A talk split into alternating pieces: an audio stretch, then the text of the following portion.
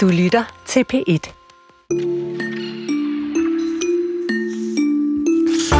I sidste uge der var der fokus i hele landet på den danske musik. Vi satte lys også her på programmet hver dag på nye danske musikere, og vi tænkte, hmm, hvorfor egentlig kun en uge med fokus på alt det talent, vi har herhjemme musikalt? Så i dag er du en heldig kanut. Du kan møde den violinspillende rapper Bjørn. Vi taler med ham om at ville det hele og aldrig helt få nok. Det er om sådan cirka et kvarters tid. Og så bruger vi også en del tid på at tale om en ny rapport i dag, fordi ikke mindre end tre tidligere kulturminister har forsøgt at lave en ny museumsreform øh, alle sammen uden held. Nu er der måske et lille lys øh, for enden af tunnelen. I dag landede i hvert fald en øh, museumsrapport, som skal være grundlag for de fortsatte politiske drøftelser. Vi taler med kulturministeren, en tidligere chef fra Slots- og Kulturstyrelsen, og så dykker vi ned i rapporten med to museumsdirektører. Men, som du sagde lige inden i radiovisen, først violiner. Det her er Kulturen, Jesper Dejen og Karen Sikker.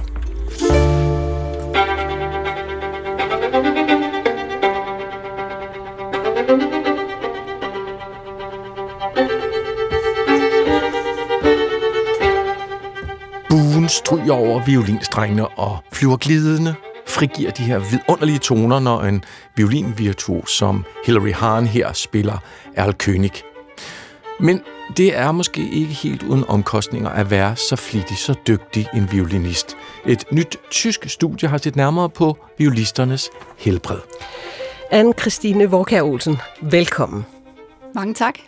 Øh, læge, øh, men også, øh, eller og også violinspiller, øh, blandt andet i Lægernes øh, Verdensorkester. Vi, vi ved, du har også kigget på det her studie. Hvad tænkte du, da du hørte om det her studie?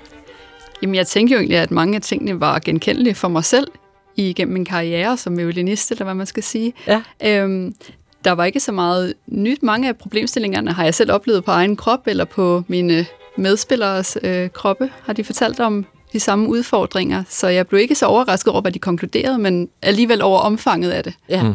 Og, og lad os så se på det helt konkret. Hvad, hvad er det, I er, er i risiko for som violinspillere? Violinister?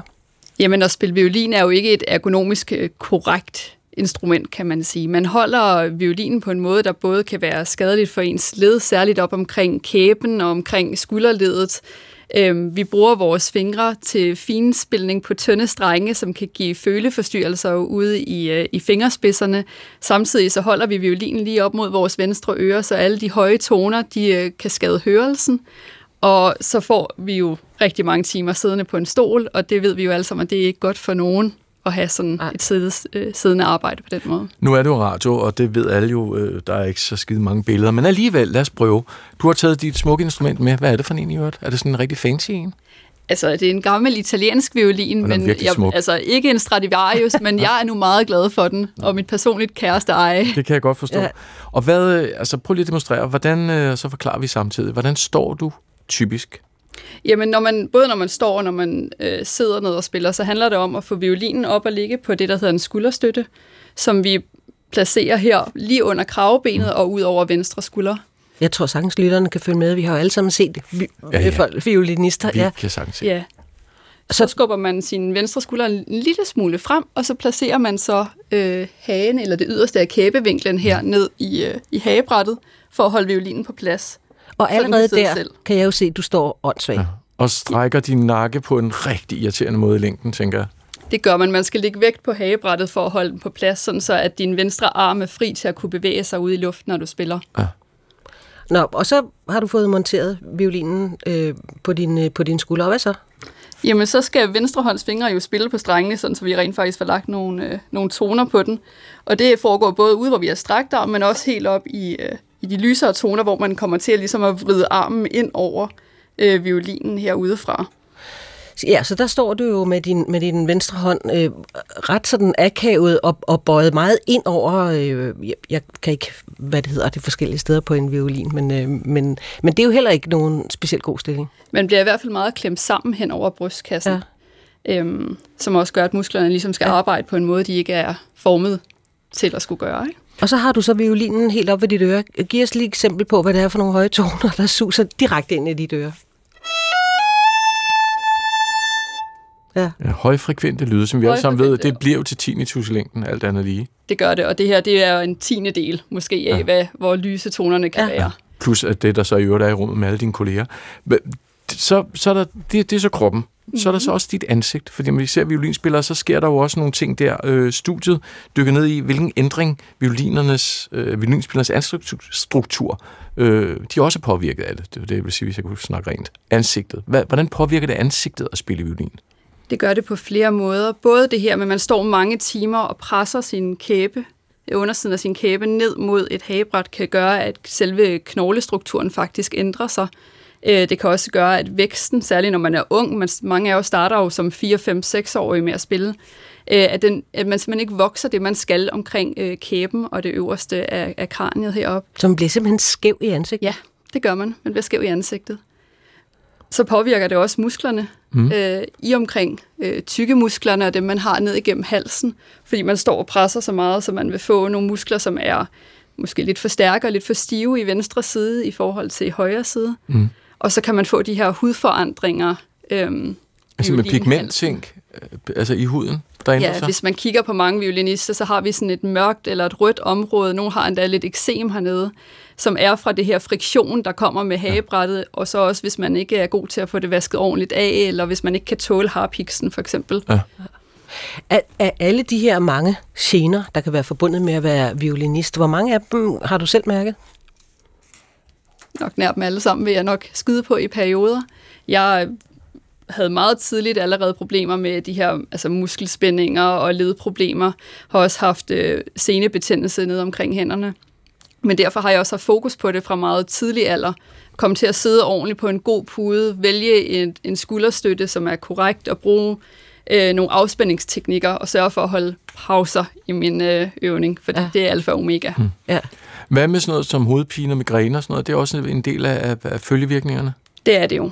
Øhm, man får spændingshovedpine, fordi dine nakkemuskler og dine skuldermuskler er så anspændte, som de er. Så hvis man ikke sørger for at få lavet de her afspændingsøvelser, så får man hovedpine af det. Ja. Det her studie, det konkluderer, øh, at øh, blandt andet ortopæder, altså folk, der har med fødder at gøre, øh, neurologer, tandlæger, dermatologer, audiologer og psykologer behandler violinister oftere end andre grupper. Øh, var det, øh, der er jo meget, du sagde, du godt kunne genkende, men var det alligevel lidt uhyggelig læsning? Jeg blev lidt overrasket over omfanget af det. Jeg har, tror selv, at jeg har tænkt det som mindre skavanker hos mm. mig, der ikke har krævet de store behandlinger, måske en massage i ny og næ, men at, at folk ligefrem behøver lægehjælp og psykologhjælp for det, det synes jeg alligevel var skræmmende læsning, og jeg ja. sagtens forestille mig, at det er rigtigt, når man nu har det endnu tættere på livet og bruger endnu flere timer på det. Og så, så handler det vel om at undgå øh, så vidt muligt alle de her skader. Er det simpelthen også noget, man som underviser, forældre øh, på, på musikskoler osv. skal være mere opmærksom på det her i orkester? Det tror jeg helt bestemt. Vi starter jo med at spille orkester, men jeg kan ikke huske, at der var nogen, der fortalte mig, hvordan jeg skulle sidde på en stol, eller fortalte mig, at jeg skulle ret ryggen, eller havde fokus på, hvorvidt jeg var bange for at spille koncerter. Det var bare noget, man gjorde.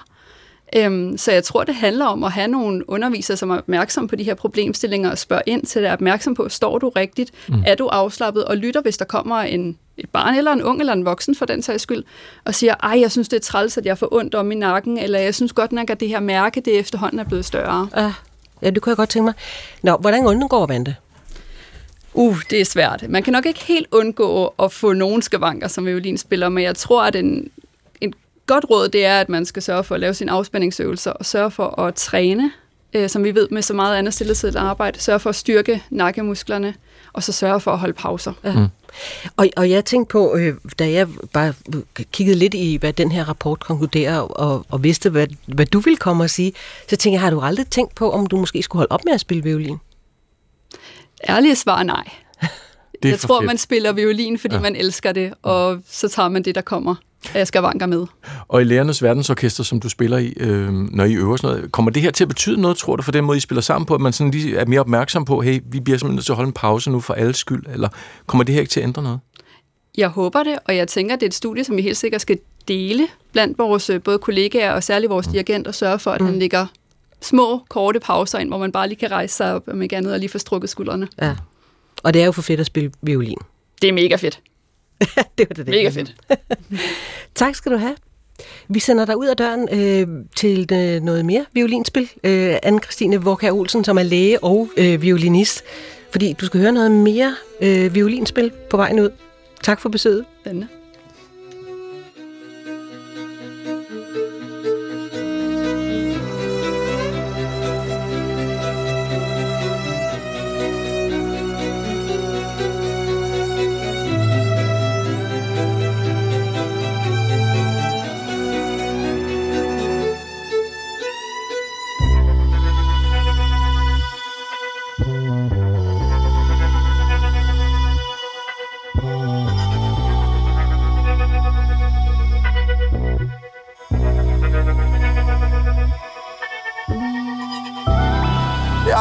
Prøvet længe, men kan slet ikke vågne. Du er ikke helt vejen, når du ikke kan love det. Hvis du prøver at fange en må du gøre det sovende. Tog min tid, og nu er den væk. Jeg tog min tid, men det er perfekt. Det vil passe i formen som et støberi.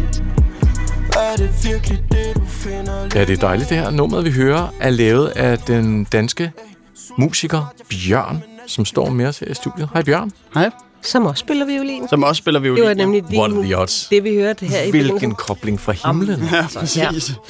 Nå, som Jesper sagde i begyndelsen af den her time, i sidste uge var det jo Spil Dansk Uge, og i den anledning så inviterede vi hver dag øh, sådan en, en, nogle musikere fra mm. vækslaget, kan mm. vi kalde det. Så nogle af dem, der er på vej op. Og det havde vi en vældig fest af. Og så blev vi enige om, at det kunne vi da godt blive ved med lidt nu, fordi der er jo masser af talent øh, til resten af året ude omkring mm. på alle mulige øh, i kunstarter. Nå, øh, og øh, derfor har vi ringet endnu en gang til en af de danske musikanmeldere og spurgt igen, hvem er det, øh, vi skal holde øje med? Og musikredaktør på Berlingske, Nana Balslev, pegede på den violinspændende rapper Bjørn. Han er en af de nye, mest spændende stemmer, der er lige nu i dansk musik.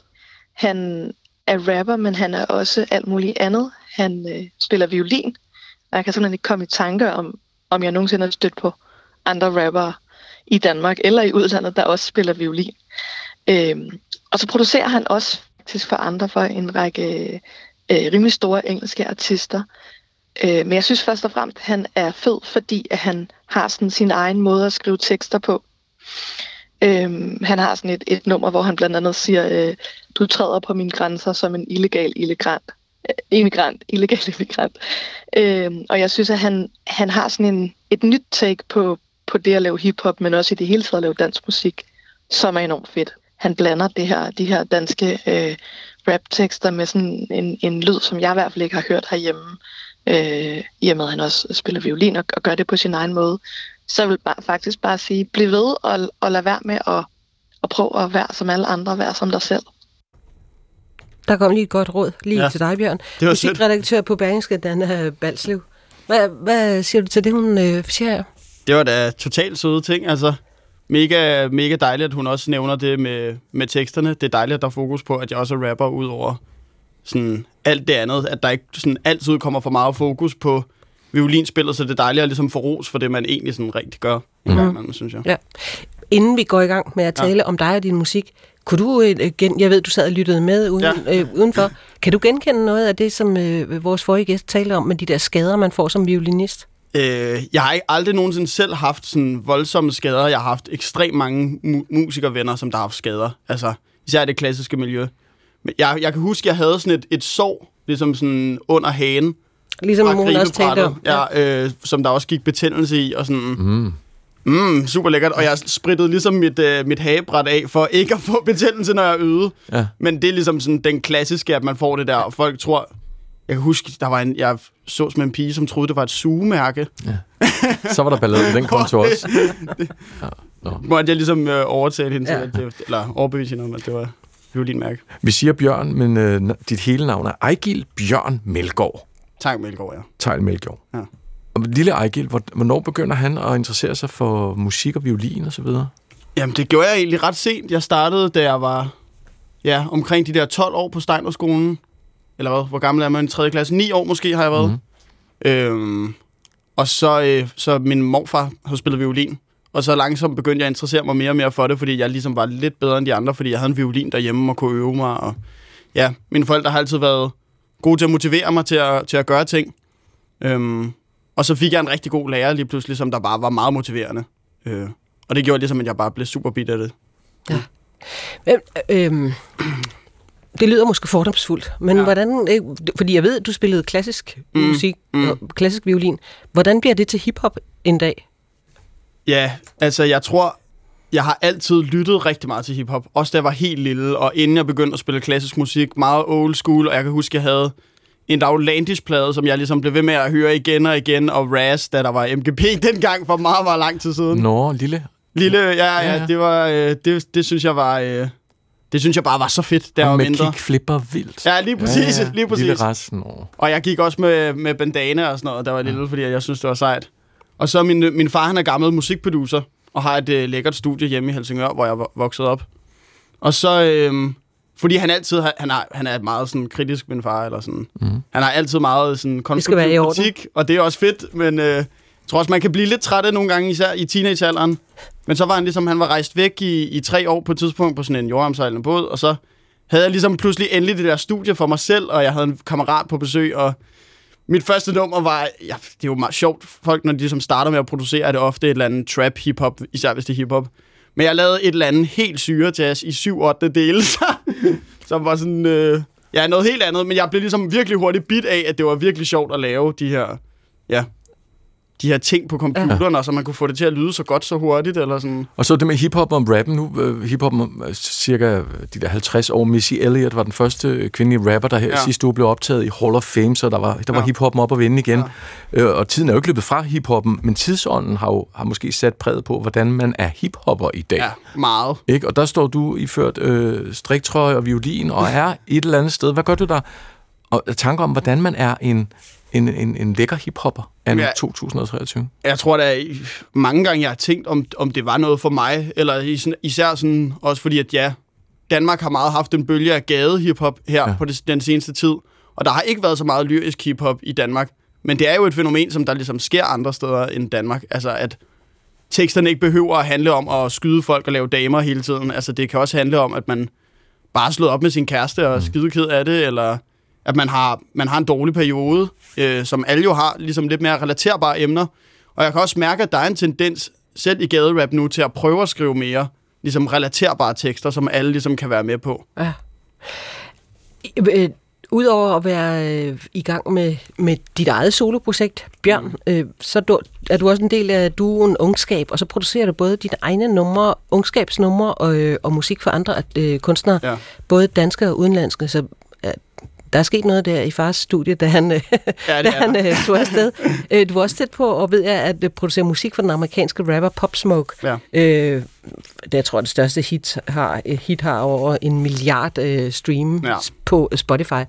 Hvad skete der der?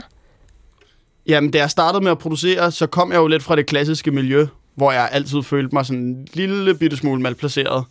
Øhm, og jeg synes, det var lidt pinligt, at jeg begyndte at lave hiphop. Øh, især at producere det og sådan noget, og jeg boede hjemme og i min fars kælder og sådan noget. Så jeg, jeg havde lavet en hemmelig Instagram-profil, som der ikke var nogen af mine venner, der fulgte.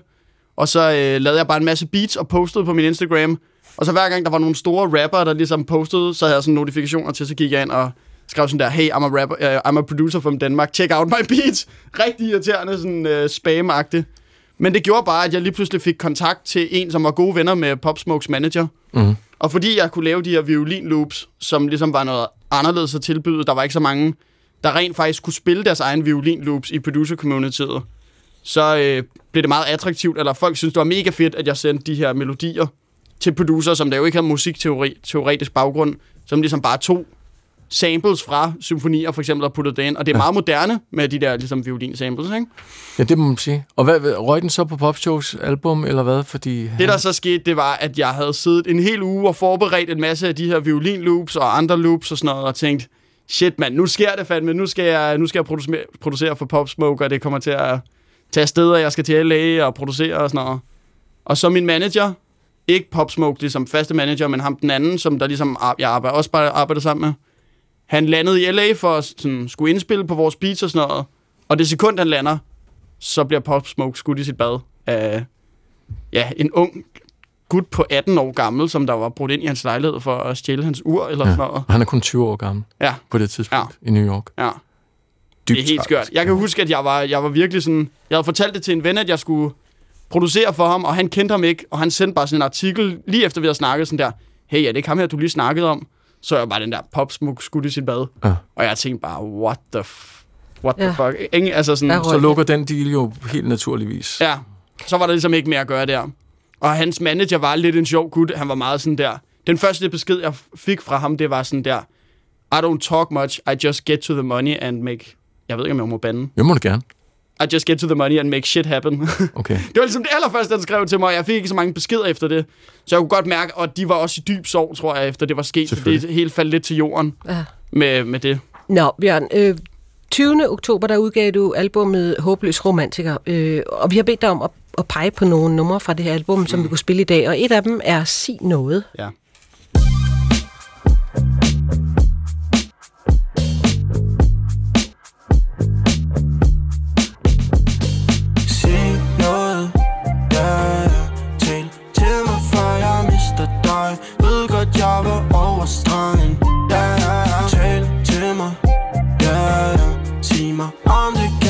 Tale så For stillen, ja, den dræber mig. Ja, ja, ja. Tal til mig, dig der kender mig bedst. Har gjort dig mundlam før, men nu det er i protest. Du vil have mig i kort snor, det får mig ud af mit S. Med en tvilling, så er jeg flyvende rundt i øst og i vest. Ja, kan ikke bindes, men jeg binder gal Du får svært at finde her for inden, nu er jeg inde bag. Du kunne være min kvinde, gør mig blind, kan ikke se tilbage. Men jeg kunne tage mig et par dage. Lad min frihed komme tilbage. Jeg kender vejen til din dør Så ruller den afsted. Ja. God, god beat. Øh, sig noget med Bjørn, som jo altså står her i studiet og smiler. Hvorfor skulle vi høre det her nummer, Bjørn? Jeg tror, at det var ligesom, øh, når man laver en EP eller et album, så har man nogle numre, som man tænker, er de numre, som der sådan kommer langt ud, og som sådan har god streaming value, og sådan, jeg elsker det her nummer selv, men det er måske ikke mit favoritnummer i forhold til nogle af de andre, men jeg kan ligesom mærke, at det er det nummer, der har mest kommersiel værdi. Øhm, Okay, så det er, så, du er sådan helt ærende Hvad, hvad det sælger jeg, mest i er ikke radioen? fordi, jeg tror aldrig nogensinde, at jeg tænker sådan, nu skal jeg lave et hit eller et popnummer eller sådan. Nej. Jeg tror bare, at, at sådan, ja, jeg synes, det er fedt at høre det nummer nu, og jeg er også glad for det. Men jeg tror, at der, det er også vigtigt for mig, når jeg laver en EP eller et album, at jeg også har de numre, som sådan kompromilløst ikke er streamingnumre, som også har nogle, nogle mærkelige ting i sig, som ligesom gør, at det bare giver en, en federe helhedsoplevelse, når man hører Ja. et projekt. Og nu sagde jeg før, at Bjørn, dit soloprojekt, det er jo ikke det eneste, du har gang i. Mm. Du er også en del af duen Ungskab øh, og producerer øh, for andre. Øh, du havde gang i begge ting, øh, før du gik solo. Hvad, hvor, hvorfor skulle det til? Du havde nok at lave. Det havde jeg. Jeg tror, øhm, Clara og jeg, Clara, den anden del af ungskab, vi, er, vi arbejder lidt forskelligt. Og jeg tror, at jeg er... Jeg, jeg er virkelig sådan... Jeg, jeg elsker at være i gang hele tiden. Øh, og tror, jeg har meget svært ved ikke at skulle lave musik og skrive tekster. Og hun har lidt mere behov for at lave nogle andre ting også. Og hun går også lidt i skole og har et arbejde, hvor jeg ligesom... Jeg, jeg er bare fuldtid, fordi at jeg ligesom lever af at producere og har mit eget projekt. Og sådan, der er bare lige pludselig mange indtægtskilder, som gør det muligt for mig. Og jeg tror bare, ja, generelt har jeg mere behov for end hende for at komme i studiet og skrive tekster og komme ud med noget. Ja. Og derfor endte det med, at jeg ligesom havde noget, der ligesom bare lå og lurede og havde brug for at komme ud. Ikke? Ja. Bjørn, dengang øh, din pappa han var ung og, havde, og var producer også, Ja, ikke? ja. der var det jo en, en lidt anderledes proces, når man lavede ting. I dag der har du din øh, Mac, og du har Logic, Ja. og så sætter du dig op i et Og sommerhus. Logic er det program, man bruger. det program, øh, ja. undskyld. Det er en dag. Øh, Ja, lige præcis. Som- En, ja. en digital optager, øh, hvor du kan lave beats og ja, lægge det op. Øh, op. Ja, det hele taget få det, få det til at lyde rigtig lækkert, som det jo gør her. Mm. Men hvad er det fede egentlig ved at have kontrollen selv? At sidde der, Bjørn alene i et sommerhus, og lave sådan en EP, som du har lavet her?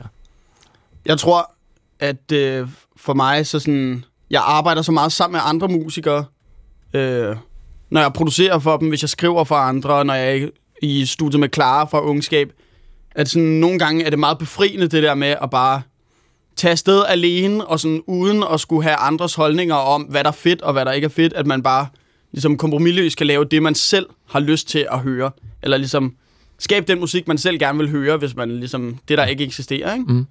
Og jeg tror, det var derfor, jeg ligesom tog afsted, og også for at komme væk fra, at jeg har jo så mange projekter, at folk hele tiden skriver, ah, kan du lige sende det der, kan du lige, sende, kan du lige lave det der? Så jeg har hele tiden tusind små opgaver, der ligesom distraherer mig fra det musik, jeg egentlig rigtig gerne vil lave. Øh, og der er det nogle gange dejligt bare at tage afsted, og så bare udskyde alt lortet, og bare ligesom tage så god tid til at gå en tur, og skrive tekster, og ligesom blive inspireret, og uden at man skal have 120 ting øh, kørende i hovedet. Så hvad er drømmen? Jeg tror, at lige nu så lever jeg faktisk drømmen, fordi at min drøm er at leve af at lave musik, og det gør jeg lige nu. Og jeg tror bare, at min drøm er at skabe, og det er det, jeg gør lige nu. Så jeg tror, hvis jeg, hvis jeg skulle sætte nogle mål mere, så er det jo bare at komme mere ud og spille, og komme bredere ud. Altså, men jeg føler allerede, at jeg gør det, som jeg elsker. Mm. Ja. Tak for besøget. Vi skal Ja. da nå at høre noget mere af din musik. Helt sikkert. Bjørn, øh, Ejgil, Bjørn, og så havde du en, en mere end Melgaard. Tak. Tang Ja. ja. Melgaard. Vågen, som også er fra dit, øh, din nyeste EP, øh, Håbløs Romantiker, der altså kom den 30. Øh, oktober. Mm. Ha' det godt. Tak. For besøget.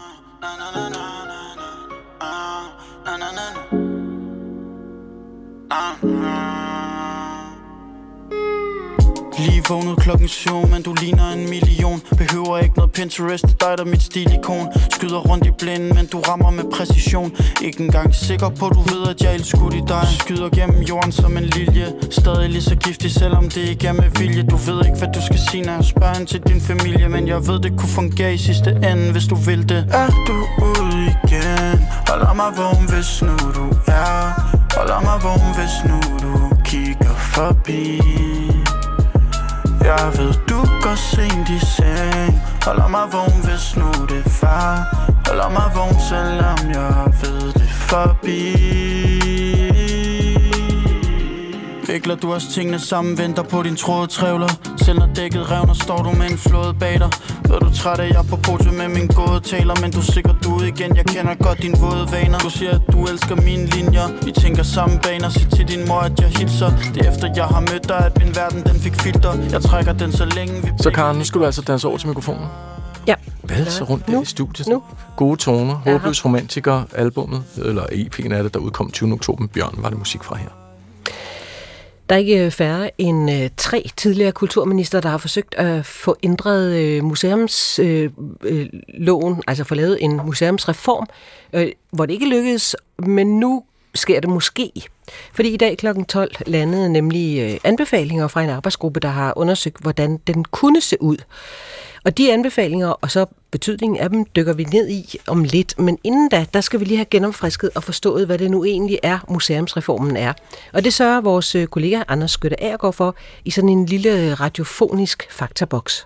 Alright. Jeg skal være ærlig og sige, at jeg har glemt, hvor vigtig museumsreformen er. Så til at forklare den, har jeg allieret mig med Ole Winter. Og Ole, han er mere end kompetent til at udlægge vigtigheden af museumsreformen. Du kan selv lige høre, hvorfor. Øh, Jeg har været chef for museumsområdet i Slots- Kulturstyrelsen i, i en årrække, mere, mere end 10 år. Og også inden jeg forlod Kulturministeriet, var jeg også chef for mus, blandt andet museumsområdet i Kulturministeriets departement, og har, er sådan set en af dem, der har været med til at skrive den lov, som de er ved at lave nu, og har siden da også hjulpet samtlige kulturministre med at se på, hvordan man kunne imødekomme den kritik, som har ført frem til, at vi i morgen møder... Eller Altså med andre ord, mere end kompetent. Der er fire store spørgsmål, vi skal have besvaret, og vi starter med selve roden af det hele. Hvad er det, museumsreformen bestemmer? Altså mus- mus- museerne har får penge via finansloven hvert år, og så museumsloven bestemmer det indholdsmæssige arbejde af museerne. Det vil sige, det er den, der bestemmer, at der er fem søjler, og der er noget, der hedder kulturhistoriske museer, der er noget, der hedder kunstmuseer, og noget, der hedder naturhistoriske museer. Så det er ligesom det, det lovgivningsmæssige afsæt for de statsanerkendte museer. Men er der ikke noget med, at museumsreformen også går ind og piller ved, hvordan at de her midler de skal øh, fordeles? Jo, det, det, det, jo, det er der, er det korte svar. Og det er fordi, man, det som arbejdsgruppen er blevet bedt om at komme med anbefalinger til, det er, hvordan museernes opgaver skal være fremadrettet. Det vil sige, de går ind og kigger på, hvad er det, de skal lave, et statsanerkendt museum, og hvad er det så, de skal have penge for. Så, så, så man, arbejdsgruppen lægger op til, at man både skal ændre i bevillingen, men også i selve indholdsloven, altså museumsloven. Godt. Så kort sagt, den reform, som Jakob Inge Schmidt, kulturminister, nu prøver på at lave en ny version af, den kigger på de opgaver, museerne har, og hvordan øh, pengene skal fordeles til at løse de opgaver. Ja, det må vi gå ud fra. Nu har vi jo ikke set nogen rapport, men det er det, der ligger i deres kommissorium i hvert fald. Så langt, så godt. Jeg sidder ikke i bestyrelsen på noget museum, eller har nogen dybere indsigt i museernes økonomi. Så det næste store spørgsmål for mig er, de midler museerne får tildelt gennem reformen, hvor vigtige er de for museerne? Ole, take it away. I 2022, hvis jeg ikke husker helt galt, der var i rundetal var museernes samlede omsætning 2,8 milliarder. Af de midler kommer de knap 500 millioner fra staten, og de 700 millioner kommer fra kommunerne, og resten tjener de selv. Så hvis vi nu lige siger, at det ikke er 2,8, men 3 milliarder, for det er nemmere at regne med, og de 500 millioner kommer fra staten, så det, der man går ind og kigger på i forbindelse med, med de her anbefalinger og en kommende reform, det er cirka en sjettedel af museernes samlede økonomi. Med andre ord rigtig vigtigt. Rigtig vigtigt, kan man sige. Det, og det, det er ligesom, det, det er også, det der er endnu vigtigere, det er, at de statsanerkendte, deres statsanerkendelse, det der ligger i museumsloven, det er ligesom deres license to operate. Mm. Så, så på den måde er en museumsreform det, det hele starter med for, for, for, for de 97 statsanerkendte museer. Tilbage på sporet, og tilbage til, hvorfor vi overhovedet er her. Der er jo en grund til, at flere kulturministre har forsøgt at tegne stregerne til en ny museumsform. Og det er fordi, man er utilfreds med den, man har nu. Men, og nu kommer tredje spørgsmål, hvad er problemet med den nuværende museumsreform? Altså, det, det, det som bliver i talsat hvad problemet, det er, at det ikke er til at forstå, hvilke penge man får til hvad. At det er uigennemsigtigt. Man har brug for transparens. Det er heller ikke til at forstå, hvorfor det ene museum, altså hvis vi har to eller sammenlignelige museer, hvorfor får det ene x millioner, og det andet får y millioner. Det er det, det, det, det, der er svært at både forsvare og forklare politisk, hvorfor det er sådan. Den for, forklaring det er, at det er et tilskud, der er lagt, lagt til over tid, altså på finansloven eller ved, ved øh, politiske forlig, har et givet museum fået en million ekstra, en million ekstra, en million ekstra, og det er så bare vokset og vokset og vokset, mens det andet museum, de ikke har fået det. Så på papiret laver de det samme, men de ene, den ene, det ene museum, dem der har fået pengene, har været bedre til at arbejde politisk og har arbejdet sig ind og, og, og kommet i betragtning ved, ved de finanslov, som bliver vedtaget hvert år. Og det har givet den her meget skæve fordeling, som nu er kommet så langt, at der er et, et flertal i Folketinget, der siger, at nu må vi kigge på det og få, få styr på, at, at det bliver mere transparent og gennemskueligt. Godt så. Den gamle er dårlig, der skal laves en ny. Det er der så i den grad også prøvet på. Først sagde Mette Bock sådan her. Det er ikke nemt, og det har været forsøgt før. Der er det strandet. Jeg kan ikke udelukke, at det også strander den her gang. Det er jo godt været. Men så har vi i hvert fald gjort et forsøg på med grundighed og tid at forberede og banevejen for, at der kan komme en reform. Og hun var der også tæt på. Med flotteste fodboldmetafor sagde hun, at bolden mangler kun at blive prikket ind. Men der kom et valg, og i stedet for at blive prikket ind, så blev bolden tyret ud af banen. Indtil den næste kulturminister, Joy Mogensen, sagde sådan her. Jeg vil gerne prøve, øh, gøre mit forsøg også, øh, for at se, om vi kunne lave en, en model, der mere understøtter museernes udvikling. Det lykkedes heller ikke, men hey, tredje gang er lykkens gang, og så kom Ane Halsborg Jørgensen på banen med de samme ambitioner, men igen uden held. Hvis vi bliver i fodboldmetaforerne, står der altså nu Museumsreform 3, Kulturministeriet 0. Fjerde spørgsmål. Hvordan er det gået så vidt? Ole forklarer. Det er fordi, det, det, altså det, det, er fordi det, det, det ikke er sammenlignelige museer som sådan, fordi deres økonomi er så forskellig, og fordi kommunerne er inde forskellige steder. Og så er der den helt store, jeg vil ikke kalde det joker, men der er også, det er første gang, man i kulturlivet faktisk kan forsøge at finde ud af, hvad gør man ved de mange, mange midler, der blev fordelt, da vi havde kommunalreformen i 2007.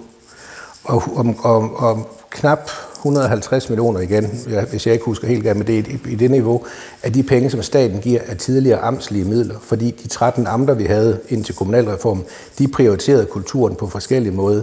Så vi har nogle museer, som får et meget, meget højt statsligt tilskud, men hvor hovedparten af det statslige tilskud faktisk kommer fra amtet. Og så er den store politiske diskussion at sige, jamen, er de penge hellige? Må man aldrig pille ved dem? Eller er, de nu så, er det nu gået så mange år, at man må sige, at de penge, som så man kunne sige, nu Museum Sønderland for eksempel, som er et af de museer, der får rigtig mange penge fra staten, 30 af deres millioner, øh, de, de, de, de ligger rent faktisk i, i de tidligere amtslige tilskud. Må, vi, må staten pille ved dem og sige, dem fordeler vi andre steder hen, eller, eller står der stadigvæk Sønderjylland på dem? Og det er den store politiske diskussion. Den umulige reform, museumsreformen, står altså ubesejret hen, men det ændrer sig måske nu.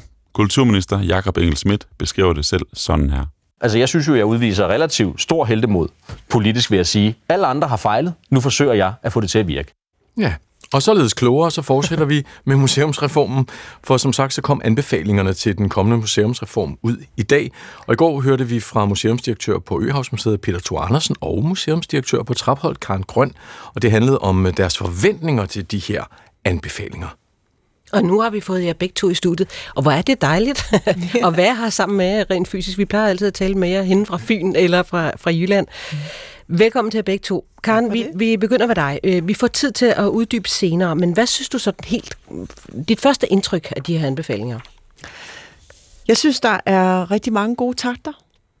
Jeg synes, det er en uh, helt modig indsats, og særligt initiativet til at gå fra det, man kalder for fem søjler, øh, hvor man øh, de fire af dem primært handler om, om samlingerne, øh, til at sige, at der, det handler om tre søjler. Det handler om samlinger, og det handler om formidling, og så handler det om, om viden.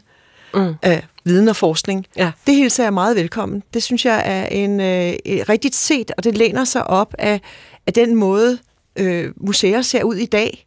At vi ikke kun er samlinger, man går ind og kigger på, mm. det der støvede museumsmetafor, men at vi også er meget store og vibrerende øh, formidlingsinstitutioner, som også øh, løser samfundsopgaver og udvikler på måder, vi kan være i og samfundet. Og samarbejder på ja. højre og venstre. Ja. ja. Så det, det bliver moderne, når man på den her måde snæver det ind til tre søjler.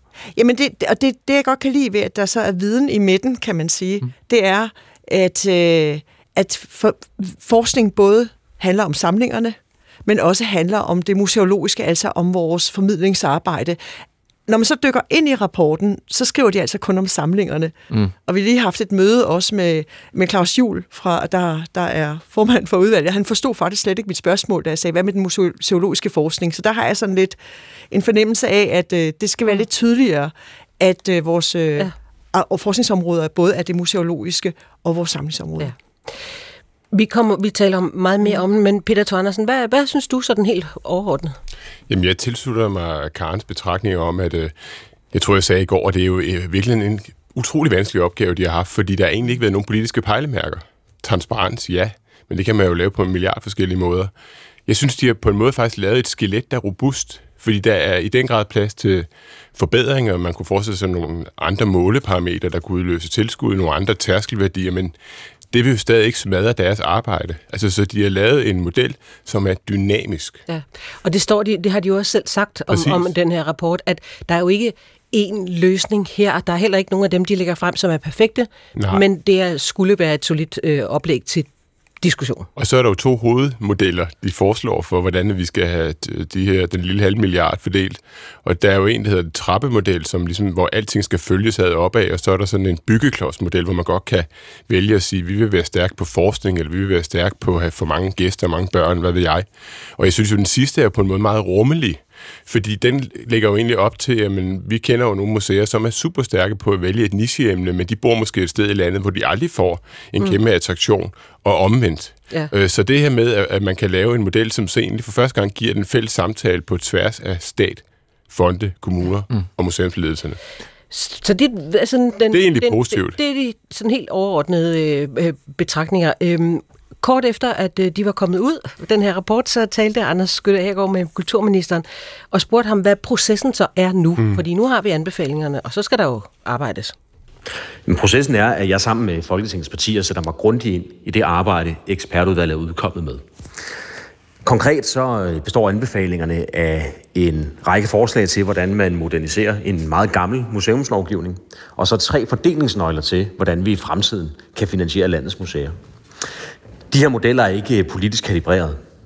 Øh, det er meget rå skitser, men det er spændende skitser, fordi de hviler på den samlede anbefaling fra en enig ekspertgruppe, som består af repræsentanter fra alle landets kommuner og repræsentanter fra landets 97 statsanerkendte museer. Nu går jeg ind i et politisk rum sammen med kollegaerne i regeringen og finder ud af konkret, hvordan vi ønsker, en museumsreform skal se ud på baggrund af det input, vi har fået i dag. Herefter så indkalder vi til forhandlinger forhandlinger, sandsynligvis på den anden side af nytår. Og så bruger vi den tid, der skal til, for at sikre et stærkt museumsvæsen i Danmark, i alle landsdele, fremover. Du har tidligere haft, tidligere haft uh, mange møder med danske museumsfolk. Uh, kommer de til at være en del af processen igen nu, eller har de ligesom haft deres taletid? Arbejdsgruppen har mødtes med repræsentanter fra alle landets 97 statsanerkendte museer. Ud af de møder er kommet de forskellige dele til den øh, fordelingsmotor, økonomiske fordelingsmotor, og de forslag til opdatering af museumslovgivningen, som er udgivet i dag. Dykker man ned i rapporten, så er der nogle museer, der vil se, at deres tilskud vokser, hvis man ser ind i de forskellige tilskuds, tilskudsmodeller, og andre vil opleve, at deres tilskud falder. Men det er jo ikke en politisk sandhed. Det her det er anbefalinger til, hvordan vi kunne gøre tingene. Og de anbefalinger går vi nu i gang med at nærlæse. Jeg kommer til at nærstudere, hvordan man har kalibreret de forskellige dele. Og på baggrund af de inputs, udkommer vi med regeringsposition og forhandlingsmandat. Ja, og apropos det, så kan du løfte sløret for, om der på baggrund af de anbefalinger, der er så landet i dag, om der bliver flyttet rundt på nogle midler for enkelte museer i Danmark? Jamen, jeg tror med sikkerhed, man kan regne med, at der bliver flyttet rundt på midler blandt de enkelte museer. Men man kan endnu ikke sige, hvordan det kommer til at ske. Og samtidig så øh, forholder rapporten sig jo heller ikke til den samlede økonomiske ramme for museerne fremadrettet. Det er jo noget, vi skal afklare i regeringen og muligvis i de finanslovsforhandlinger, som jeg selv sidder og deltager i i øjeblikket. Er der nogle museer, der vil få et mindre tilskud? Men jeg er helt sikker på, at der er en del museer, der vil opleve, at deres tilskud stiger. Og der er også nogle museer, der vil opleve, at deres tilskud måske falder. Men sagen er, at baserer man en reform på objektive parametre, hvor hvert museum har mulighed for at ændre sin situation, og man laver en lang implementering, så handler det jo om, hvor dygtig man er de forskellige steder i landet øh, til at skaffe besøgende, til at skaffe indtægter, til at forske, til at udvikle øh, sin samling og formidle den viden. Men det er vigtigt for mig at sige, at det har vi ikke taget stilling til, hvordan kommer til at samspille endnu. Og derfor vil det være alt for tidligt ude på landets museer at være bekymret for noget som helst. Vi har lyttet meget nøje til de input, der er kommet. Arbejdsgruppen har gjort et godt stykke arbejde, har afleveret en række enstemmige anbefalinger. De danner nu grundlag for en politisk proces. Og når den politiske proces i regeringen er overstået, så starter selve forhandlingerne om museumsreformen. Der var lidt kluder med den forbindelse, ved, ved Anders Skytte havde til ham, men I kunne godt forstå det. Øhm, Peter Thor Andersen, når man sidder som direktør på Ørehavsmuseet, hvad tænker man så, når man hører det her?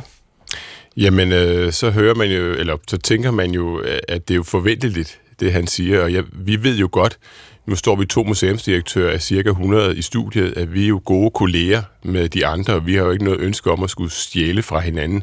Så det, han beskriver, er jo, at der er, det, det er utrolig svært, fordi øh, nogen kan jo få trukket tæppet væk under sig, Øh, og der er vi jo glade for at se, at der jo også øh, er samme stærke kulturminister er forhandlet en stor pulje til en overgangsordning. Så jeg hører ham sige, at, øh, at han kan godt se, at den her reformoplæg er, uanset hvad han gør, mm. så bliver den radikal i en eller anden forstand. Mm. Og det bliver hans ansvar at lave en god proces. Men du, Nå ja. Nå, men jeg tænker bare, men Peter, du bliver vel konkurrent med dine kolleger? Ja, og det er jo det, nok også, hvis jeg skal pege på den væsentligste bekymring, øh, i den her, det her oplæg, så er det jo, at, at øh, vi kender jo fra andre sektorer. Jeg har siddet i en gymnasiebestyrelse på et tidspunkt. Jeg er formand for en efterskole og højskole. Jamen altså, der får man jo tilskud fra staten i forhold til, hvor mange elever eller hvad det nu er. Og det vil sige, at alt andet lige bliver der en tilskyndelse til, at man kigger ind af og, og performer selv, øh, og, og, og det kunne gå ud over det kollegiale. Og, ja. og, det, og det står jo i starten af rapporten, at det var en af opgaverne i et sammenhængende museumsvæsen. Ja. Er den løst, ikke? Og Karen Grøn, hvordan lyder det fra Trapholds øh, side af bordet? Jamen det, jeg hører ministeren sige, det er, at nu er der kommet et oplæg med den her rapport, og nu vil man se på det. Og så har jeg en forhåbning om, at man vil se på det gode arbejde, men måske også lytte til øh, nogle af de øh, problemer, der kunne være i den rapport. Så jeg, jeg hører en åbning, hvor man siger, det er rapporten, og nu skal vi, øh, nu skal vi øh, se, om der er nogle områder, det er væsentligt også at få taget med. Og det har øh, hvad skal man sige, øh, vores område jo selvfølgelig nogle kommentarer til.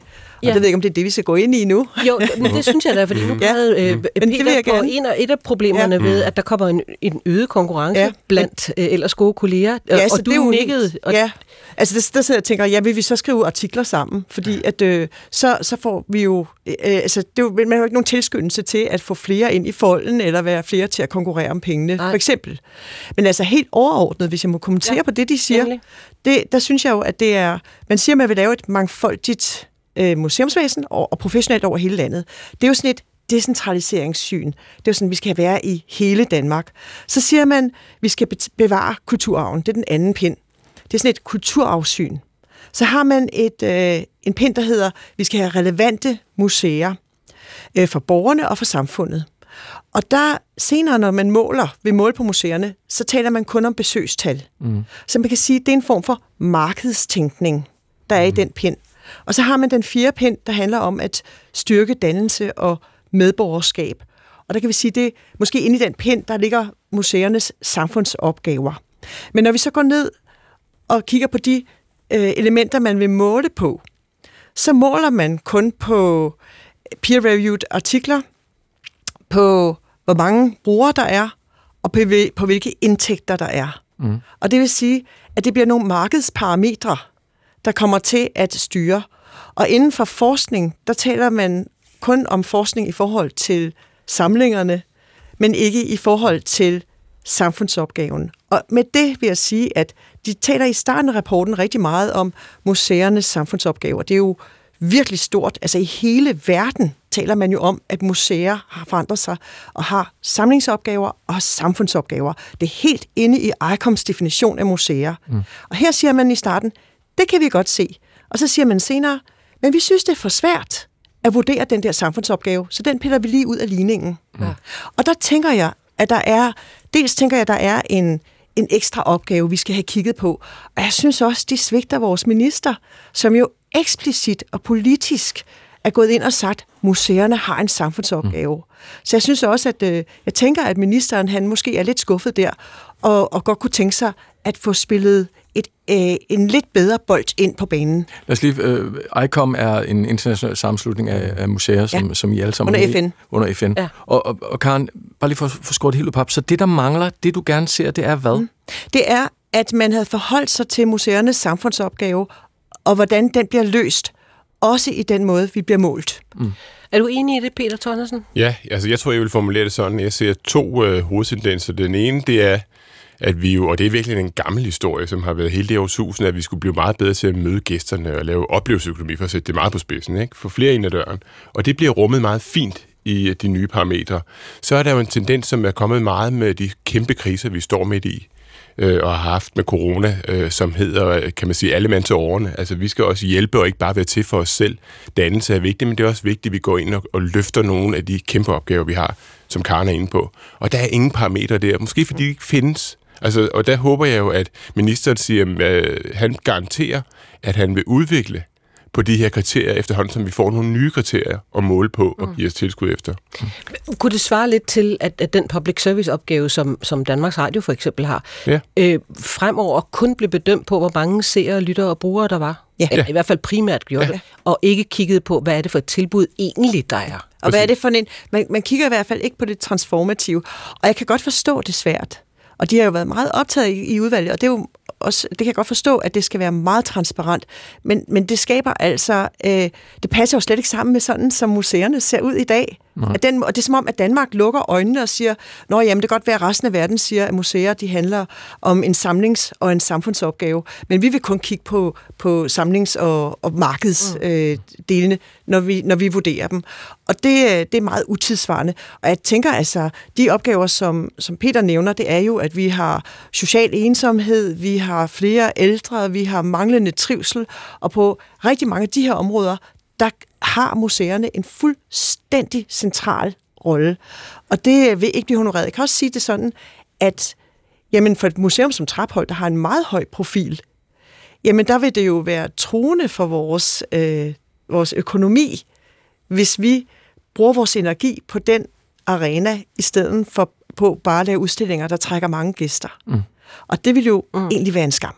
Og hvis nogen skulle have glemt det der med, med samfundsopgaven, øh, så blev det jo mindet om det under coronatiden, hvor ja, præcis, ja. et hvert museum simpelthen gjorde alt, hvad de kunne for ja. at inddrage folk, børn, unge, ensomme, whatever. Lige nu i dag, der er, der er museerne i fuld gang med at... Øh, altså, vi har jo altid haft skoletjenester, men man har rigtig meget blik på, jamen, hvad skal der ske med de unge og mistrivsel, og hvordan skal den løses. Og der bliver sat et projekt i gang fra Slots Kulturstyrelsen lige om et øjeblik, mm. der lige præcis sætter museerne ja. ind i det.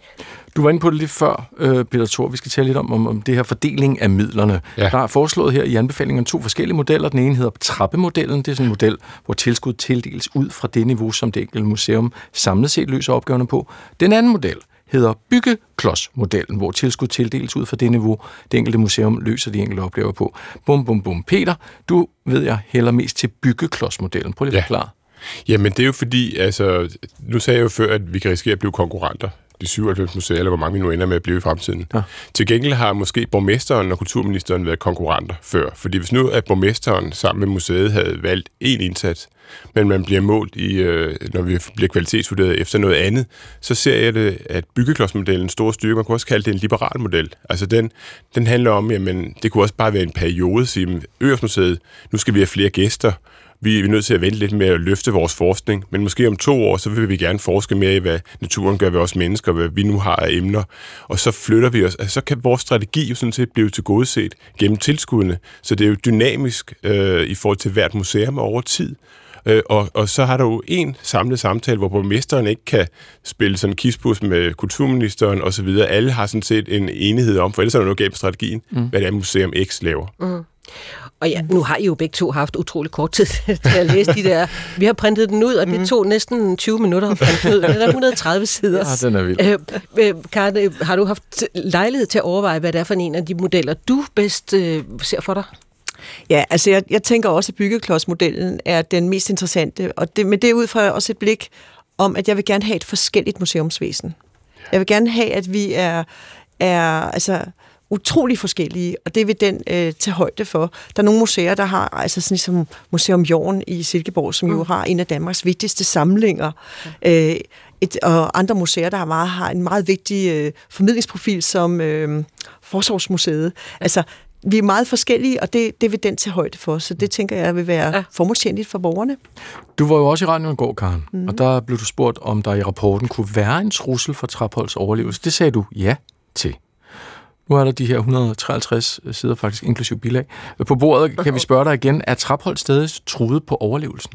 Nej, jeg synes, altså hvis jeg kigger på selve Traphold, så viser tra- øh, rapporten jo med al tydelighed, at et museum som Traphold og det, vi arbejder med, er ekstremt underfinansieret. Det, det, det kan man faktisk bare se på modellerne, der er i.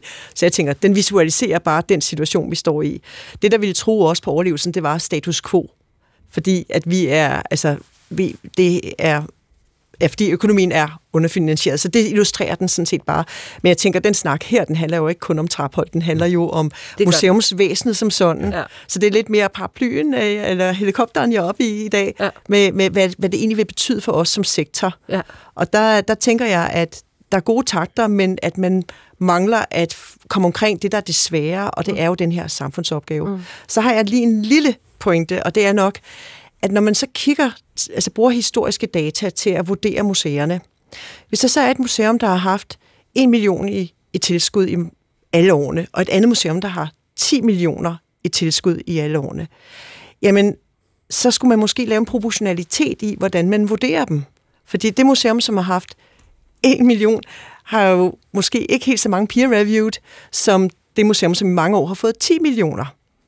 Og den proportionalitet tror jeg er ret vigtig, for ellers så fastholder og fastlåser man nogle museer i en lav position i forhold til en høj position. Mm. Fordi man kan aldrig komme ud af den, fordi de historiske data, som jo skyldes, at man jo bare ikke har fået de 10 millioner, men kun fik en. Og det er jo det, øh, Ole Winter også var inde på, da han redegjorde for, hvorfor den her øh, trænger til en reform. Ja. Øh, Peter Thordensen, du øh, Ja, men det er jo fordi, at man kan jo i princippet også forestille sig, og det er jo også det, der bliver spændende, at vi går til vores borgmester i Kolding og får Midtfyn og siger, hvis vi lige laver en aftale over fire år, så, så laver vi noget mere forskning eller et eller andet, så løfter vi statstilskud. Altså, på princippet er det jo spændende, hvordan kommunerne vil reagere på den her, om det bliver sådan et race, fordi de der tærskelværdier, der er stillet op, er jo ret vilde. Altså man kan måske have en, en forskel i 10.000 gæster, der betyder et par millioner. Altså det er jo helt vildt. Ja. Øh, men det er jo det, som jeg ser, at det, at det er forhandlingen. Ja, kan. Så tænker jeg, at det er meget vigtigt, at man ikke bare arbejder fra år til år, at man siger sidste års tal, at man arbejder med fem eller 10 år mm. i gennemsnit. Fordi museer, altså forskningsprojekter, sætter man i gang, og tre år efter kommer publikationen, eller hvad det nu kan være. Der skal tages tilløb. Så der skal være, man skal blive nødt til at arbejde med et meget langt øh, tidsspand, for ellers så, øh, så bliver sådan noget kænguru. Så bliver jeg lidt bekymret, når man siger, at man så vil vurdere, altså der bliver sådan, der er plads til sex i toppen, eller et eller andet, og så, så er der nogen, der kan falde ud og ind.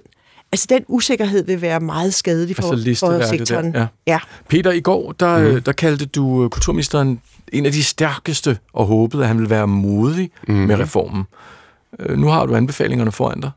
Er det en modig reform, der kommer ud af det her, tror du? Ja, altså den, har, den er jo konsekvent.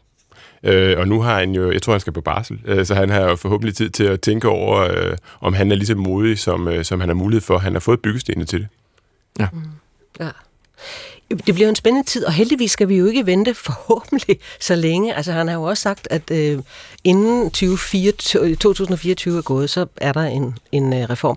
Karen, hvad, hvad venter du mest spændt på i det kommende års tid, godt og vel? Jamen, jeg venter jo på, at den bliver landet. jeg vil ikke sige andet. Øh, jeg, jeg, jeg tror ikke, jeg kan sige, tilføje så meget andet, ja. end at, altså, jeg, jeg, at, at man ligesom får afspejlet den måde, museer er i dag, og man får lavet en transparent øh, reform. Mm. Jeg synes, det er et godt afsæt. Ja. Jeg håber i den grad, at man får lavet et addendum, som kommer til at handle om det, som de selv skriver i rapporten. Det synes vi er svært, så det lader vi være med. Det dur ikke. Ej, man er nødt til at sige som Pippi. Det har jeg aldrig prøvet før, så derfor kan jeg nok. Præcis. ja. Tak til jer begge to, øhm, og held og lykke. Ja, vi, tak så. Øh, tak. vi følger med øh, med jer på sidelinjen ja. i, i, det kommende, i de kommende forhandlinger. Museumsdirektør på Øresmuseet, Peter Thor Andersen, og museumsdirektør på Traphold i Kolding, øh, Karen Grøn. Hold styr på finanserne med kapitalisterne. De afnoteres, og alle aktionærer aktier er 0 kroner værd. Nej. Jo, jo. Jo, 0 kroner. Hvis ja, ja. du var aktionær i går, 0 kroner i dag. Få et indblik i internettets skyggesider med Enter. Nogle af de værste ting, vi overhovedet kan forestille os. Hvem er det, der uploader det? Dyk ned i AI med prompt. Det kan diagnostisere os, udradere vores job, måske føre krig. Hvis vi udnytter det rigtigt, så er det jo superkræfter. Man skal tage det sure med det søde. Det gode med det onde. Kapitaler, krypteret kriminalitet eller kunstig intelligens. Lyt til lige det, der interesserer dig i DR Lyd. Det er dejligt med sådan en lille app. Det er lyd. Karen Jeg fik slet ikke hørt efter, jeg var ved at sige farvel til Ja, ja, ja. ja. Så Nå. Karen Sækker og Jesper Dein var i studiet. Det var Kasper Dyrholm, der tog sig af produktionen. Og Astrid Ylva Petersen var produktionsassistenten. Og det var ugens sidste udgave af Kulturen. Ja, men i morgen er der jo så øh, Fjerde division, division. Hvor jeg er... Der er du også. Jeg er også i morgen, Ja. fordi jeg skal være vikar for, for Adam. Det bliver rigtig spændende. Kan I have det godt?